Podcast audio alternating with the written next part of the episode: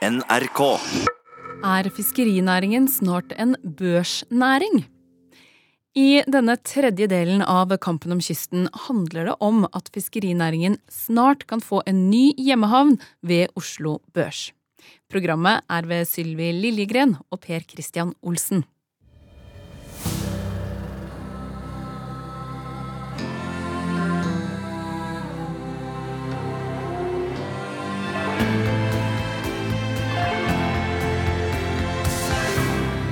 Du, du, du spår altså at fiskerinæringa havner på børs? Hun eh, kommer til å havne på børs. En god del rederi. Absolutt ikke samtlige, men en god del rederi. Er det lenge til? Under ti år. Dette er Johan Olsen. En av Norges mest velrenommerte skips- og kvotemeglere. Fiskerinæringa seiler med stø kurs mot ny hjemmehavn på Oslo Børs.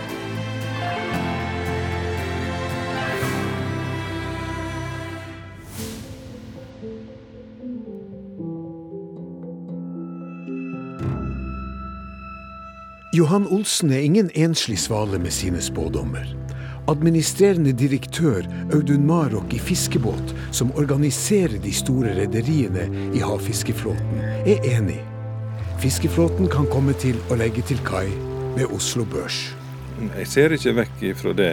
Eh, vi ser jo at det er en utvikling i retning av større konsentrasjon innenfor de rammene som eksisterer i, i dag. Og om disse rammene vil bli endra i, i framtida, det er, er, vanskelig å, å, å, å spå. Men, eh, men jeg ser ikke vekk ifra det når vi ser hen til hva som har skjedd f.eks. i oppdrettsnæringen. Så det betyr at uh, dere, dere ruster dere på, på vei mot uh, børsnotering? Eh, det om vi ruster oss på vei mot børsnotering, det vi er opptatt av, det er jo et, en, en spredt eierstruktur, et nasjonalt eierskap. Og hvorvidt enkeltselskap er på børs eller ei, det er ikke vi så opptatt av.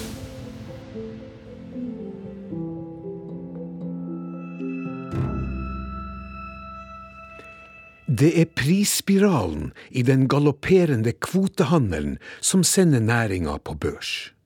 Fiskekvoter som fiskerne og rederne fikk gratis av staten for 30 år siden, omsettes for milliardbeløp i året. De store sluker de små. Derfor spør jeg Johan Olsen. Så det du har merka, er at vi er faktisk inne i både en prisspiral og en, og en konsentrasjon på, på færre rederier? Det ser man i utviklinga at den er kommet, og den vil fortsette. Den argeste kritikeren av denne kvotehandelen er politisk redaktør i Nordlys, Skjalg Fjellheim. Han kaller denne milliardhandelen for en skamløs handel med fellesskapets ressurser. Jeg mener jo at dette er ressurser som for en tid tilbake er tildelt fiskerne fra fellesskapet. For at de skal drive fiskevirksomhet, høste på fellesskapets ressurser i, i våre kystnære farvann. Og Det vi ser i dag, er jo at disse kvotene er blitt ren handelsvare. De omsettes for mange titalls millioner kroner. Og når kvoter selges, så forsvinner også arbeidsplasser fra fiskerisamfunnet i Nord-Norge. Dette er jo den store tragedien. At det har kunnet skjedd under ulike vekslende regjeringer gjennom flere tiår. At vi har sett denne utviklinga der fellesskapets ressurser på denne måten blir en, en ren spekula et rent spekulasjonsobjekt. En ren handelsvare.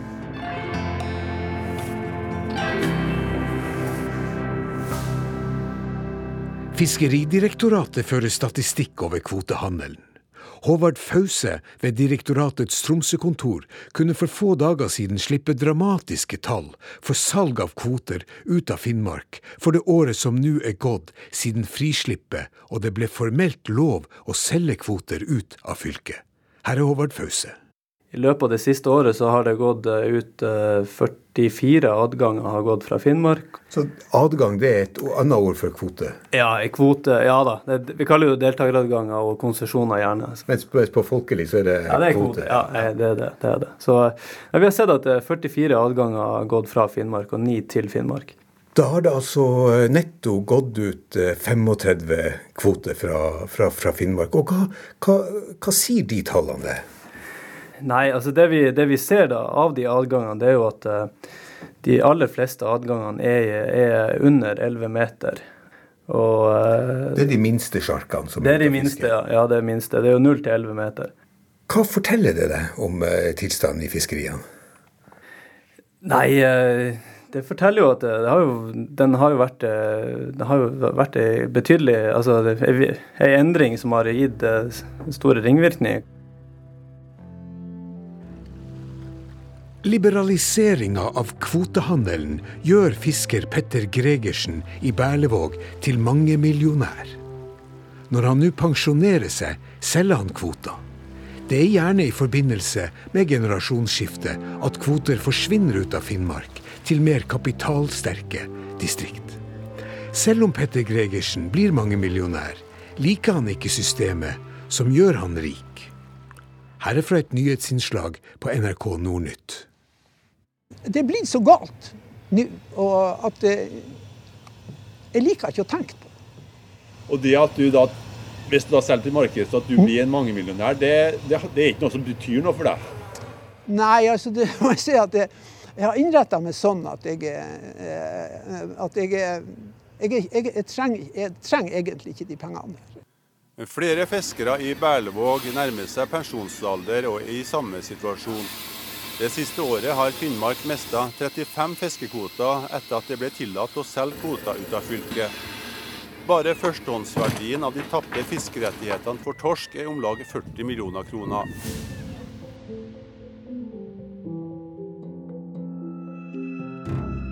Berlevåg er i ferd med å miste mer. Mye mer. Samme nyhetsinnslag fortalte om en større båt med større kvote som nå skal selges ut fra Berlevåg. Og med den kvota forsvinner også mange arbeidsplasser på sjø og land. Her er fisker Terje Andersen. Først er det seks arbeidsplasser om bord som, som, eh, som, eh, forsvinner. Og så all den skatten som kommunen får fra båten. Og uh, alle de egnerne som båten Båten har jo ti egnere. Og det her er jo, det er jo en katastrofe rett og slett for, eh, for Bærum kommune ved Nøese. Sjølve båten er nærmest verdiløs, men kvota er verdt mellom 10 og 12 millioner. Det er en tidobling siden 1997. Penger som eieren ved salg kan putte i egen lomme, men med stor fare for å radiere bort mange arbeidsplasser i hjemkommunen. Kvotene strømmer dit som det er mest kapital, og det vet vi alle hvor det er. Nei, de må, de må, sette seg ned nå, de, eh, de politikerne vi har i Finnmark, og, og se på eh, løsning på det her. For eh, det her Det er garantert at Finnmark skal bli avmagra med de største kvotene. De forsvinner. Jeg ber skips- og kvotemegler Johan Olsen peke på de mest tydelige utviklingstrekkene innen kvotehandelen de siste årene man har hatt en radikal utvikling, også spesielt på prisnivået. Og også basert på det som Per Sandberg, fiskeriministeren, har kommet med i det siste, hvor man har en mulighet til å øke kvotetaket per eh, fartøy, skråstrek rederi, som igjen vil eh, presse fram større fartøy, som igjen etter hvert vil trenge mer kvote. Og som igjen vil presse kvotetaket enda lenger opp. Johan Olsen viser her til at fiskeriminister Per Sandberg for kort tid siden liberaliserte kvotesalget for den nest minste fartøygruppa i kystflåten. Det skapte nytt prishopp. Johan Olsen. Man ser jo allerede at man har fått en eh, prisoppgang på en ca. 10% og det er klart det her kommer jo etter all sannsynlighet til å akselerere litt oppover. Det baseres jo på tilbud, etterspørsel og behov fra de rederiene som ikke har fylt seg opp. Jeg vet ikke om jeg skal spørre deg om personlige meninger her, men altså, du sitter jo ute på Andøya og har din uh, virksomhet uh, derfra. Og, og, og, Hvordan reagerer du som kystboer på, på den utviklinga? Eh, den er jo ikke bra for mindre plasser langs kysten. Og vi ser jo spesielt på Andøya at fikk det her generasjonsskiftet hvor det er masse fartøy er solgt ut. Vi har uh, mista bl.a. fem trollkonsesjoner som er solgt ut fra Andøya. Det er ikke noe å gjøre med det. Det bare er sånn når man ikke har noen som kan komme inn og så ta over og ha den kapitalen som skal til. Og Da havner man tilbake til det spørsmålet om eh, hvis de hadde vært på børs, vil man da kunne opprettholdt? Hva er ditt svar? Hvis eh, rederiene har hatt en eh, annen form for eierstruktur, og vi har hatt mulighet til å sette rederiene på børs, så tror jeg nok at man muligens kunne ha beholdt de kvotene innenfor de forskjellige kommunene. Så det at, det, det at flere rederier kanskje havner på, på, på børs, det, det, er nødvendigvis ikke noe negativt? Det trenger ikke å være det. Det kan være til det positive også. Men det må jo ligge begrensninger, og det er jo politikerne som må sette begrensningene der. Ola Grytten er professor i økonomi ved Handelshøyskolen i Bergen. På den store fiskerikonferansen på Giske i vår ropte han varsku til næringa og til politikerne. Fiske er i ferd med å bli finans. Og hva var det du advarte mot, professor Ola Grytten? Det mener jeg at eh, hvis man ønsker, som mange fiskere sier, og som mange fiskerederi sier, hvis man ønsker at eh, det skal være lokal tilknytning i fiskeriene, eh, der man beholder entreprenørskap og innovasjon langs kystlinja, og ikke fremmedgjør hele fiskeria, Eh, så må man være på vakt. For hvis det blir slik at eierne av fiskeflåten ikke har peiling på fisk, men det er bare rett og slett investorer, eller kanskje til og med meglere som driver og flytter penger, så kan man miste den lokale dimensjonen. Så kan man miste det lokale entreprenørskapet, og man mister veldig mye kunnskapsbasert fiskeri eh, som man finner langs kysten. Og det er en utvikling man ser internasjonalt, og man ser også i Norge, at det går mot veldig store enheter. Og det går veldig mye mot eierskap der eh, eierskapet har mindre og mindre kunnskap om fisk, eh, veldig gjerne. Vi har sett det i andre land, f.eks. i Danmark, og der er det nå nesten bare veldig store aktører igjen. Det var faktisk slik at i inngangen til 2016 så var tre av de fem største danske rederiene eid av, av, i hovedsak av, av svenske interesser.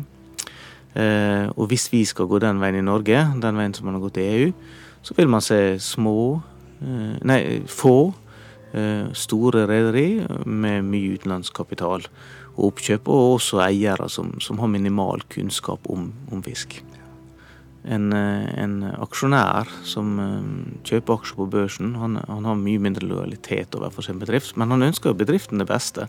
Han vil jo at det skal være lønnsomt, og det er bra. Men, men han mister den kontinuiteten på eiersida. På den andre sida så er det slik at eh, det viser seg at selskap som er på børs har en mye større kontinuitet enn en, mange tror. Eh, fordi at det, de, de, vil alltid vedvare, det kommer alltid nye aksjonærer.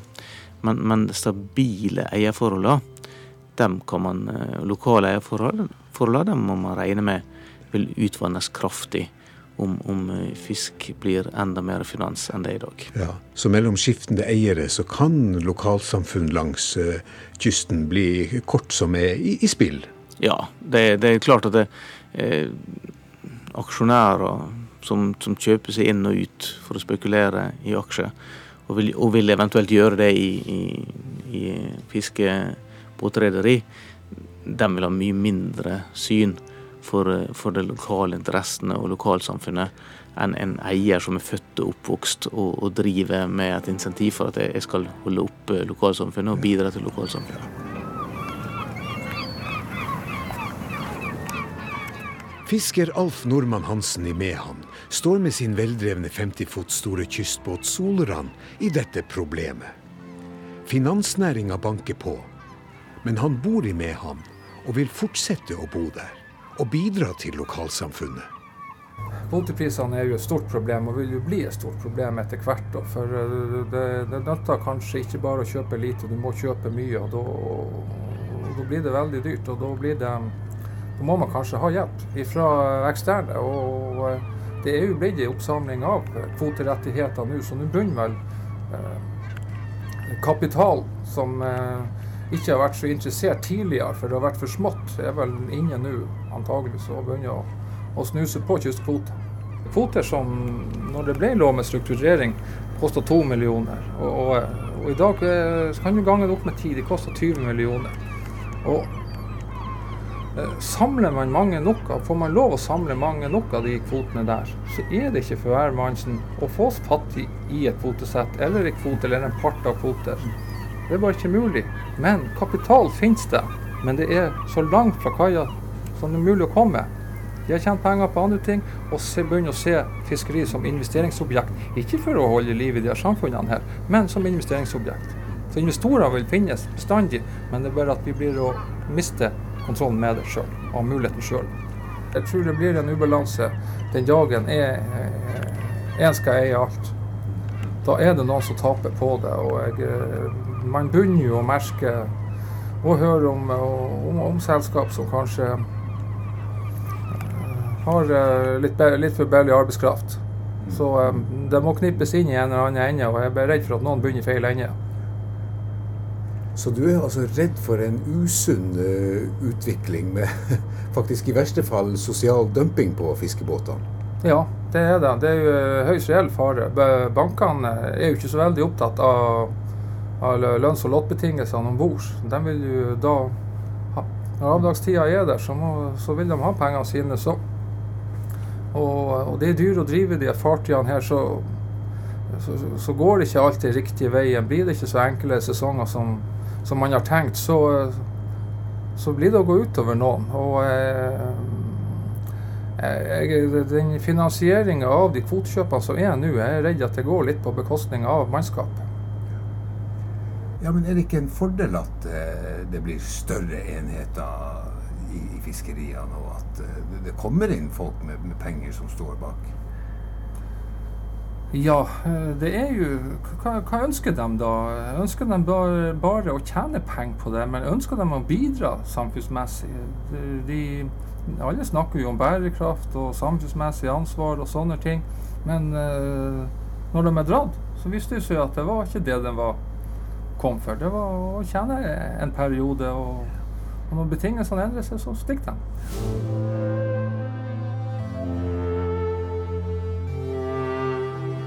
Vi lever jo i, i sånne småsamfunn langs med kysten, og, og skal man bare se seg sjøl i, i, det spillet her, så, så kan man være kynisk og, og, og, tenke bare egen drift og sånt. Men uh, jeg er redd for det at uh, skal man jo ha kompiser, familie og, et, et, liv på land som ikke bare består av fiske, men det å, å behandle fisk og annen næring i tillegg som, som følger på, så, så, så, må man eh, tåle å se litt større på det, og tåle å kanskje være med og dele litt på. Sånn at uh, når dere driver sånn som dere driver her, uh, på, så, så, så, betyr det at du, du har et blikk på, på, på næringa di. Du skal selvfølgelig drive godt og, og, lønnsomt, men du skal også drive på en sånn måte at du er med på å holde samfunnet i gang. Ja, det er klart det. For det snakkes om uh, bedriftsøkonomisk optimalisering. Eh, det er jo ikke det vi driver på med. Vi prøver jo å ha et liv også, i tillegg til et levebrød. Så skulle, skulle vi ha tenkt annerledes, så det er klart, da, da har man vel sikkert ikke bodd der heller og, og tenkt i de baner. For, for skal man ro fiske i Barentshavet, så, eh, så kan man godt bo en annen plass. Det er jo ikke noe problem, men da dør de samfunnene her. Og, og det er jo ikke det vi ønsker. Vi, vi, vi har jo vårt liv her, så, så, da må man også eh, leve etter det når det gjelder næring. Vi ror ikke etter harde bedriftsøkonomiske hensyn. Vi, vi, lever og bor her og bruker omtrent alt av penger vi tjener i lokalsamfunnene. Og, som andre lever av det samme av oss da igjen. Og er det et godt liv? Ja, jeg føler vi har et godt liv. Personlig så, så har jeg det veldig greit. Jeg er jo ikke herfra. Og jeg er jo blitt her, så det skulle jo i, i 30 år nå snart. Så det skulle si sett. Professor Ola Grytten har stor forståelse for argumentene til Alf Normann Hansen i Mehamn. Grytten roper varsku om utviklinga i næringa hvis finans blir for mektig. I Fiskeri-Norge er det en allmenn mening at den største eieren vi hittil har hatt, finansmann Kjell Inge Røkke, kun var inne for å tjene penger, uten blikk for å utvikle næringa. Ola Grytten sier at nyskapning og utvikling kun kan komme fra lokalt kunnskapsforankra eierskap, og ikke fra finans. Det, det, er jo det som har vist seg i fiskeriet. Altså, altså, entreprenørskapet sitter i grunnen der den lokale fiskeren og rederen er i veldig stor grad. Eh, med samme dette blir eh, finansnæring, så sitter det eiere som, som har så lite peiling på næringa at entreprenørskapen forsvinner. For dem som har peiling på dette, den, den, den forsvinner ut av næringa i veldig stor grad, og så overlater man til eiere som, som egentlig ikke har peiling på næringa. Og det, det har vist seg å, å, begrense innovasjon og, og, entreprenørskap i en næring der, der dette her er, er veldig viktig. Du, du, du, sa på konferansen at i EU så, så skjer beslutningene eh, om fiskeriene langt fra, fra ressursene. Og, du, du, nevnte som et eh, skremmebilde at eh, nederlandske pensjonsfond er en av de store eierne på fiskerisida. Ja. ja, altså det, det er både skremmebilde og ikke skremmebilde. Selvfølgelig bra at nederlandske pensjonsfond vil gå inn med kapital i fiskeria. Det, det, det, er ikke nødvendigvis galt i det. Eh, men det er klart at det nederlandske pensjonsfondet sitter jo ikke på store kunnskap om fiskeri. Og det vil være naivt å tro at det nederlandske pensjonsfondet har eh, spesiell lokal interesse for å, for å ta, ta vare lokalmiljøet i Danmark eller Skottland eller hvor det skal være i fiskeridistriktene. Det har jo de ikke. Eh, så, så, så man skal klare at når sånne ting skjer, så mister man mye av den lokale forankringa og den lokale dynamikken. Samtidig som man på en måte sikrer lettere tilgang på kapital. Eh, så, det, er sånn tveegga sverd. Hva, er det egentlig vi ønsker? Det, det må man vite når man utformer fremtidas fiskeripolitikk.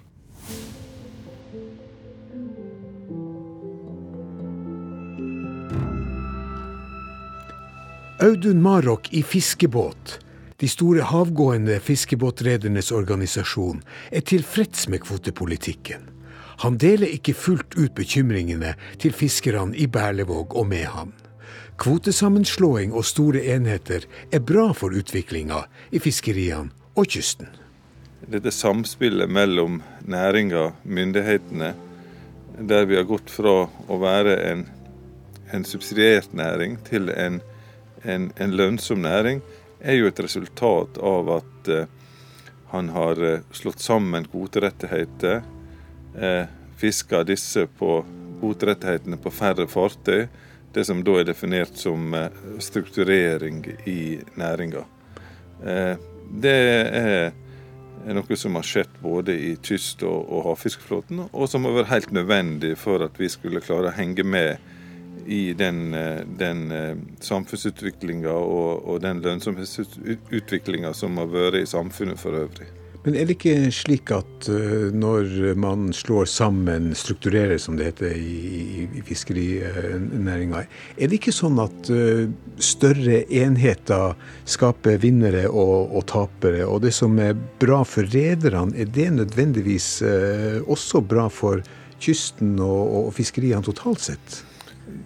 det som er situasjonen her, det er jo det at, eh, at den lønnsomheten som du har hatt i fiskeria, den har vært med og skapt st store ringvirkninger eh, langs kysten for øvrig.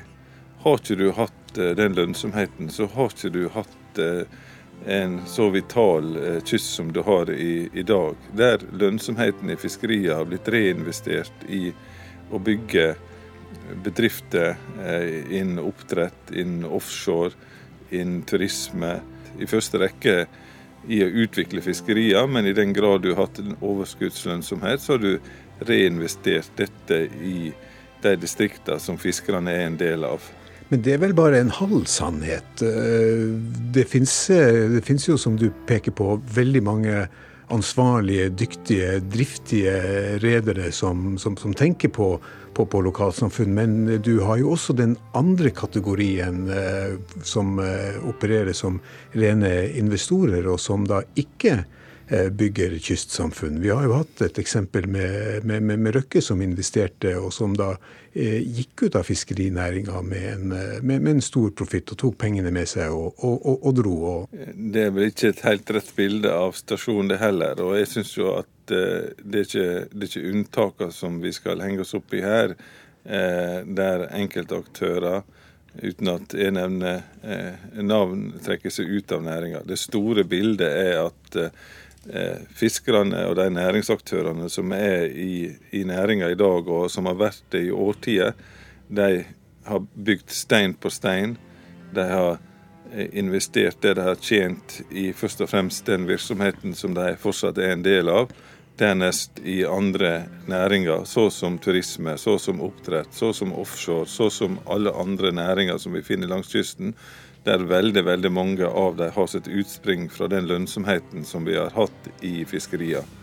Eh, og det er klart at hadde ikke vi strukturert, bedre ord, effektivisert, så hadde ikke vi hengt med i den lønnsomhetsutviklinga som har vært i samfunnet for øvrig. Dette gjelder både i kyst- og havfiskeflåten, og jeg vil si det har vært en suksess så langt i norsk fiskerinæring. Og så er det vel alltid slik at det kan være unntak, men dette er det store bildet.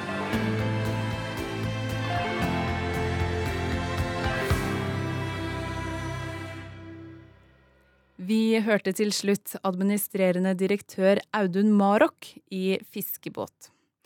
Og serien Kampen om kysten er laget av Sylvi Liljegren og Per Christian Olsen.